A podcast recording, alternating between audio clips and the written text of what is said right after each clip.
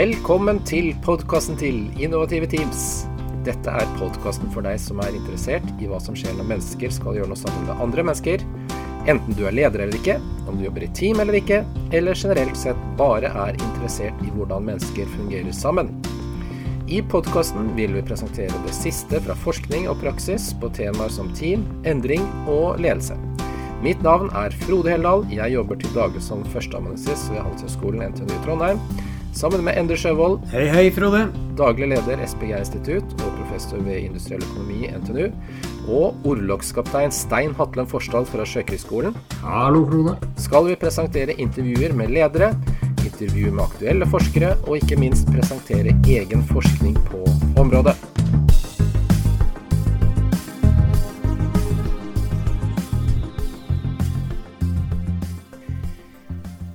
Digitalisering, the greatest dilemma ever, del tre.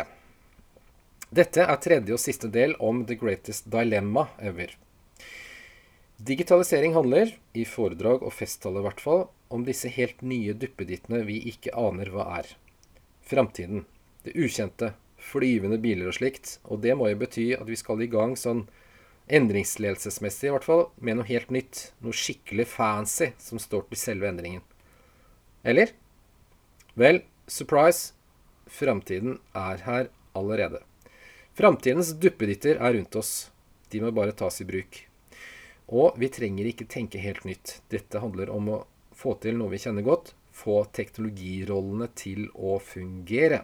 Og for å forklare litt forskjellige teknologiroller, så har jeg lekt meg litt med både SPGR-rommet, altså atferd, og litt basert på Rogers The Technology Adaption Life Cycle-modell fra 1962. Som er en modell for forskjeller i hvordan man tar i bruk ny teknologi, som jeg skal forklare litt senere. Da hopper vi på den første rollen, som vi jo kjenner litt fra del to.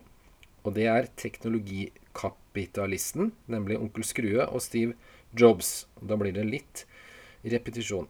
Onkel Skrue har jeg her valgt å kalle teknologikapitalist. Og som vi hørte da i del to, her snakker vi om en person som er traust, gnien, sur og firkantet. Bunnfast, solid og ærlig, men ikke overveiende opptatt av andres ve og vel. Ufølsom, penger står på spill, og kan ha tydelig høylytte raserianfall. Også litt i året hva kan vi forstå i forhold til teknologi og teknologiutvikling? Jo, teknologien er for kapitalisten lite viktig i seg selv. Det er i hvilken grad man kan tjene penger på den, eller ikke, som er greia. Innenfor spekteret her kan man lene seg mot å være enten skeptisk eller mer pragmatisk, men alltid med bakgrunn i det økonomiske. Kapitalisten er i Rogers termer late majority. I sjeldne tilfeller på grensen til skeptics, som da er eh, nemlig skeptikere, ikke mer eh, rocket science enn det. Og kapitalisten kan samtidig som han er kanskje en skeptiker, bevege seg mot pragmatikeren. Der hvor teknologi blir noe nyttig og meningsfullt. Over mot da det Rogers kaller early majority. Nå er det lettere å forstå dette hvis dere har modellen foran dere, men jeg drar gjennom uansett. Kapitalisten er gjerne en tydelig figur gjennom sitt litt stabeite og stive syn på tingens tilstand, og overveiende konservativ. Oppgaveorientert, og kanskje også litt styrende over i selvhevdelse. Og det kjenner vi jo igjen Steve Jobs som. Så går vi over til rolle nummer to, nemlig teknologioptimisten. Som jo også er en vi kjenner fra del to, nemlig Petter Smart.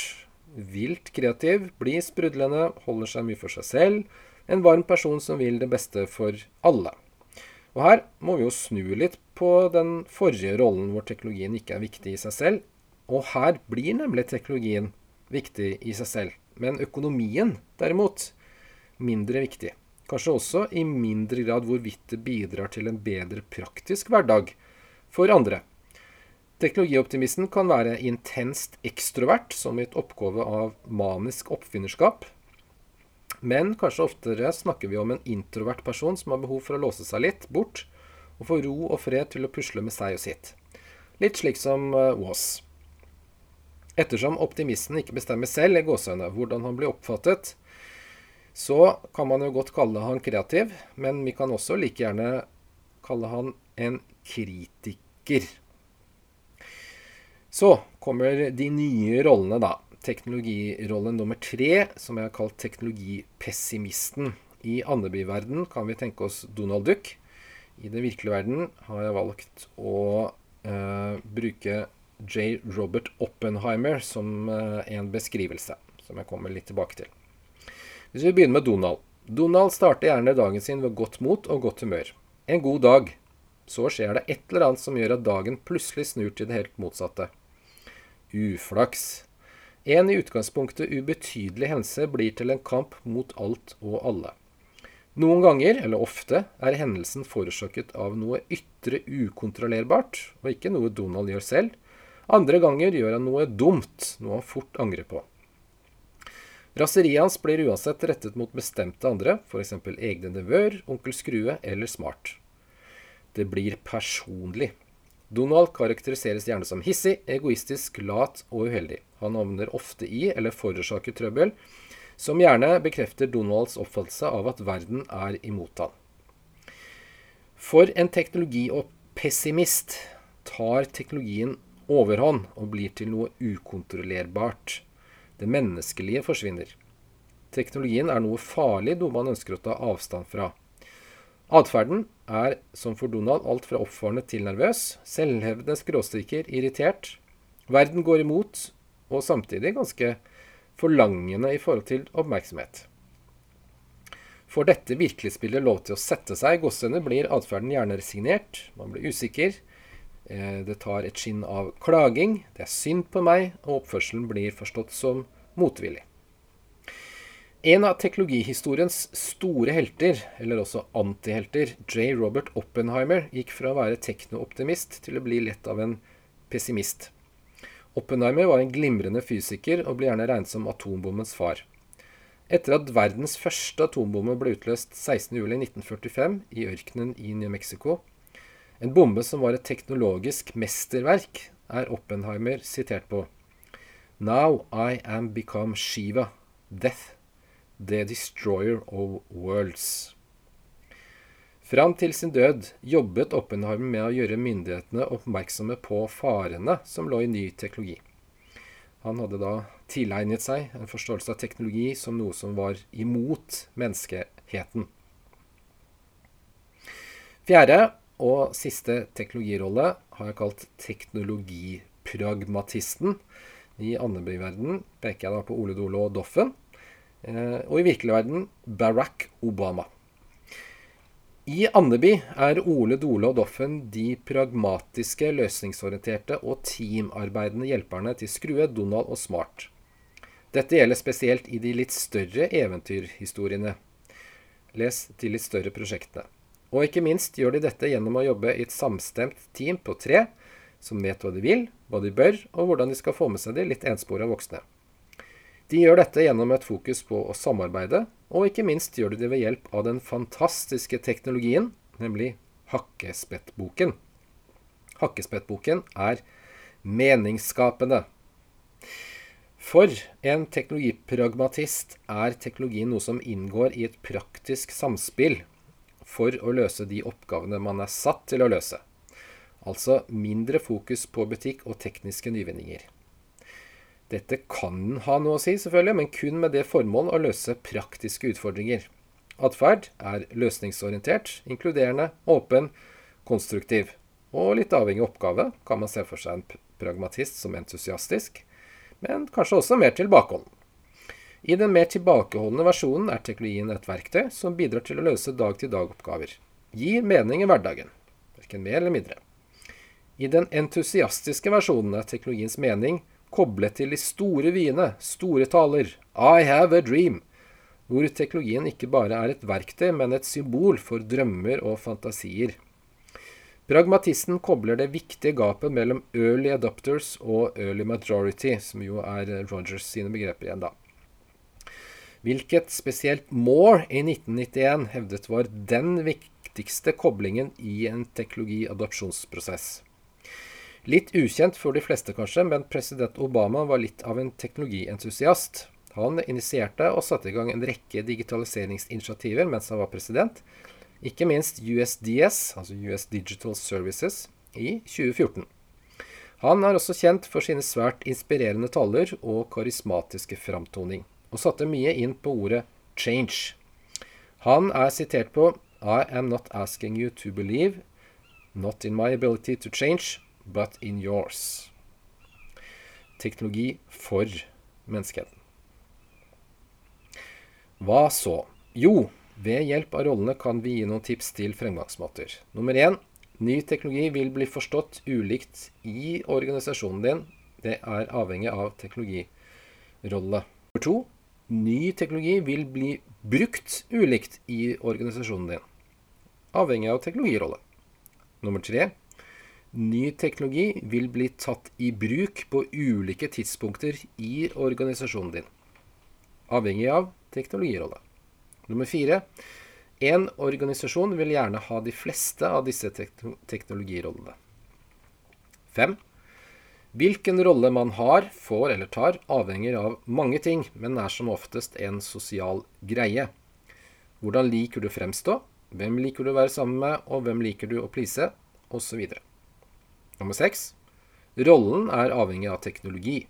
Du kan fremstå som optimist i forhold til én teknologi, og pessimist i forhold til en annen.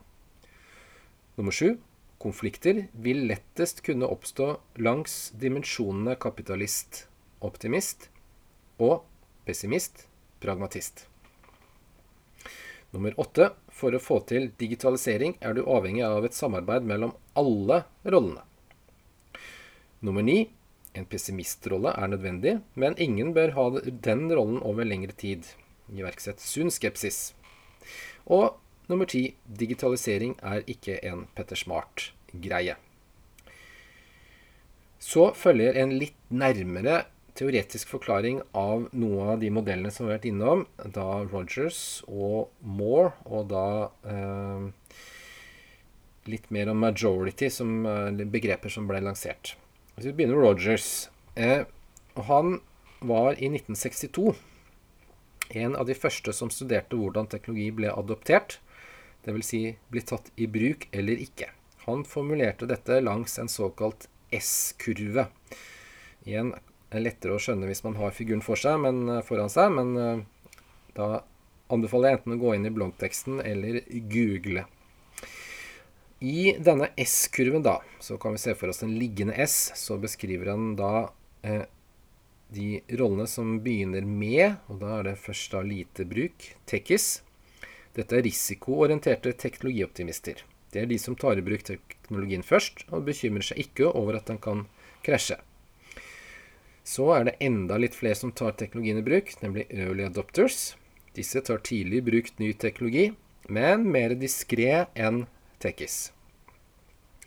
Og så kommer vi over i den bratte kurven av S-en, altså da hvor folk virkelig begynner å bruke produktet, som da Rogers har kalt early majority. Dette er ikke de som tar teknologien først i bruk, men lar seg gjerne påvirke av early adopters når de ser at ting funker. Nå er vi på toppen av kurven, hvor det kanskje begynner å gå litt ned igjen, som Rogers kaller late majority. Dette er de som tar i bruk en teknologi etter at det store gjennomsnittet har tatt i bruk og kanskje også da noe uvillig. Før kurven på S-en til slutt begynner å flate litt ut, og da er vi over i rollen som Rogers kaller skeptics. Dette er de siste som tar teknologien i bruk, og da kun før de må. Har en aversjon mot såkalte endringsagenter. Moore i 1991 er en annen klassiker som i sin bok 'Crossing the Chasm' argumenterer for at det er en avgrunn mellom spesielt techies, early adopters og early majority. Og det er gjerne sistnevnte at du tjener de virkelig store pengene, hvis du treffer, da. Slik som Apple gjorde med iPhone. En viktig årsak, sier Moore, og for så vidt også Rogers, er at techies early adopters har helt andre bruksmønstre og behov enn early majority. Du må derfor tilnærme deg dem på helt forskjellige måter. Moore snakker om markedsføring, men det samme gjelder for ledere. Og så bitte, bitte lite grann om en rolle, og hvordan vi skal tenke rundt teknologiroller. Eh, litt sånn faglig inngang på det. Og da spør vi litt eh, underforstått hvordan skal vi forstå dette med teknologiroller, og hva er en rolle? Og Veldig kort så kan vi tenke at en rolle er noe som forstås som en forventet atferd, som vi kan referere til Goffman 1959, eller en form for interaksjon, hvor vi kan referere til Blymer 1969, eller kanskje også til og med en form for identitet og meningsskaping, hvor vi da har klassikeren Carl Wake fra 1993, og kanskje enda litt tidligere også, og fram til i dag. Kort og godt kan det forstås som en relasjon du har til andre. Rolle er lik relasjon og atferd. Putt teknologi inn i dette, og vi snakker fort om det vi har vært igjennom her teknologiroller. Moore var en av de første til å dra forskjellige atferder inn i teknologiverdenen gjennom såkalt adopsjon. Og poenget er viktig. Man tar i bruk teknologi på litt forskjellige måter, med litt forskjellige årsaker, og ikke minst til litt forskjellig tid. Oversatt rolle, og ikke minst SBGR-atferd, kan vi da leke oss litt i dette SBGR-rommet. Og her blir det i hvert fall enklere hvis man har en figur foran seg, så det skal vi la ligge litt. Men eh, vi tar med oss at teknologi handler om atferd, bruk, eh, forståelse, eh, relasjon rollebegrepet er eh, sentralt og kanskje kan bidra til å tenke litt mer ned på jorda. Det er avhengig av synspunkter og ståsted, selvfølgelig. Om eh, dette litt svulstige begrepet både disruption og digitalisering. Men som med alt annet, eh, sett i gang heller enn å sitte og avvente.